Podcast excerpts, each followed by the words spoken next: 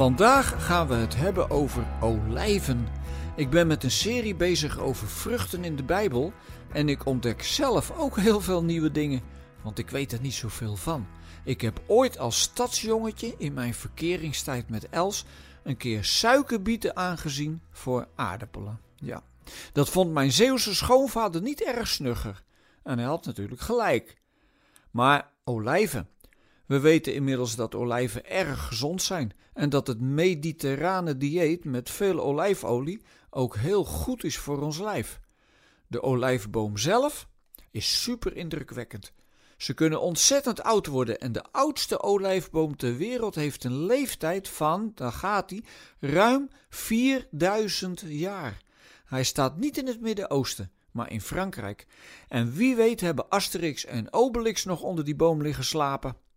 De olijfboom kan goed groeien, onder barre omstandigheden. Hij groeit vaak op rotsachtige bodem, maar hij groeit wel heel langzaam. Maar als hij dat doet, dan doet hij het goed. Hij heeft een heel diep wortelstelsel dat wel tot 6 meter diep kan gaan.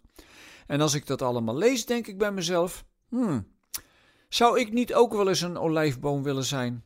Lijkt me best verfrissend als je overeind kunt blijven als de storm van het leven tekeer gaat, of als de hitte van de strijd je dreigt te verzengen.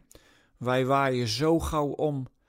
Er zijn genoeg mensen bij wie maar niets hoeft te gebeuren, of ze schreeuwen moord en brand en denken alleen nog maar aan zichzelf. Toen de eerste lockdown kwam, hè, was er iemand in ons dorp die bij de drogist de hele voorraad paracetamol wilde kopen. En hoe moet dat dan met de andere mensen? vroeg de drogist. Nou, daar had ze geen boodschap aan. Onze verstandige drogist heeft dit uiteraard geweigerd. Maar als je wortelstelsel een beetje dieper groeit, dan sta je misschien ook wat steviger op je benen. Die olijfbomen, die kijken niet zo naar dat oppervlakkige gedoe van stenen, hard zijn en ondoordringbaar lijken. Die zoeken het dieper en vinden toch iets om hun levenssappen uit te halen. Wat een mooi beeld voor iemand die God wil dienen. In Psalm 52 staat dat David van zichzelf durft te zeggen dat hij is als een groene olijfboom in het huis van God. Dat hij vertrouwt op de liefde van God voor eeuwig en altijd. Dat zegt hij als hij weer eens in het nauw zit en bedreigd wordt.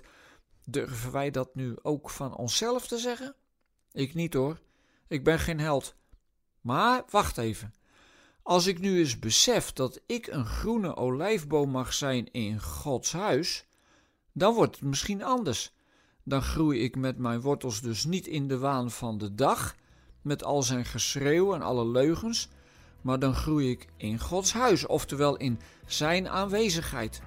Dat maakt het heel anders, want dan zorgt God voor de voedingsstoffen die ik nodig heb om te overleven. Geweldig toch?